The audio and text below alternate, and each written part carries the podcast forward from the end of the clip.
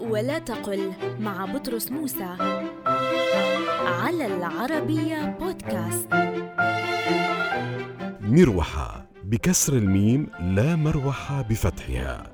قل مروحة بكسر الميم ولا تقل مروحة بفتح الميم لأن هذا الضبط غير صحيح على ما يشاع في بعض البلدان العربية.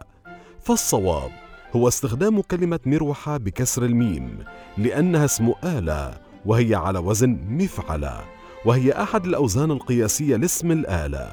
وفتح الميم منها خطأ قديم سجله ابن قتيبة في أدب الكاتب بوصف ابن قتيبة زعيما لمبدأ تنقية اللغة العربية من الأخطاء في عصره.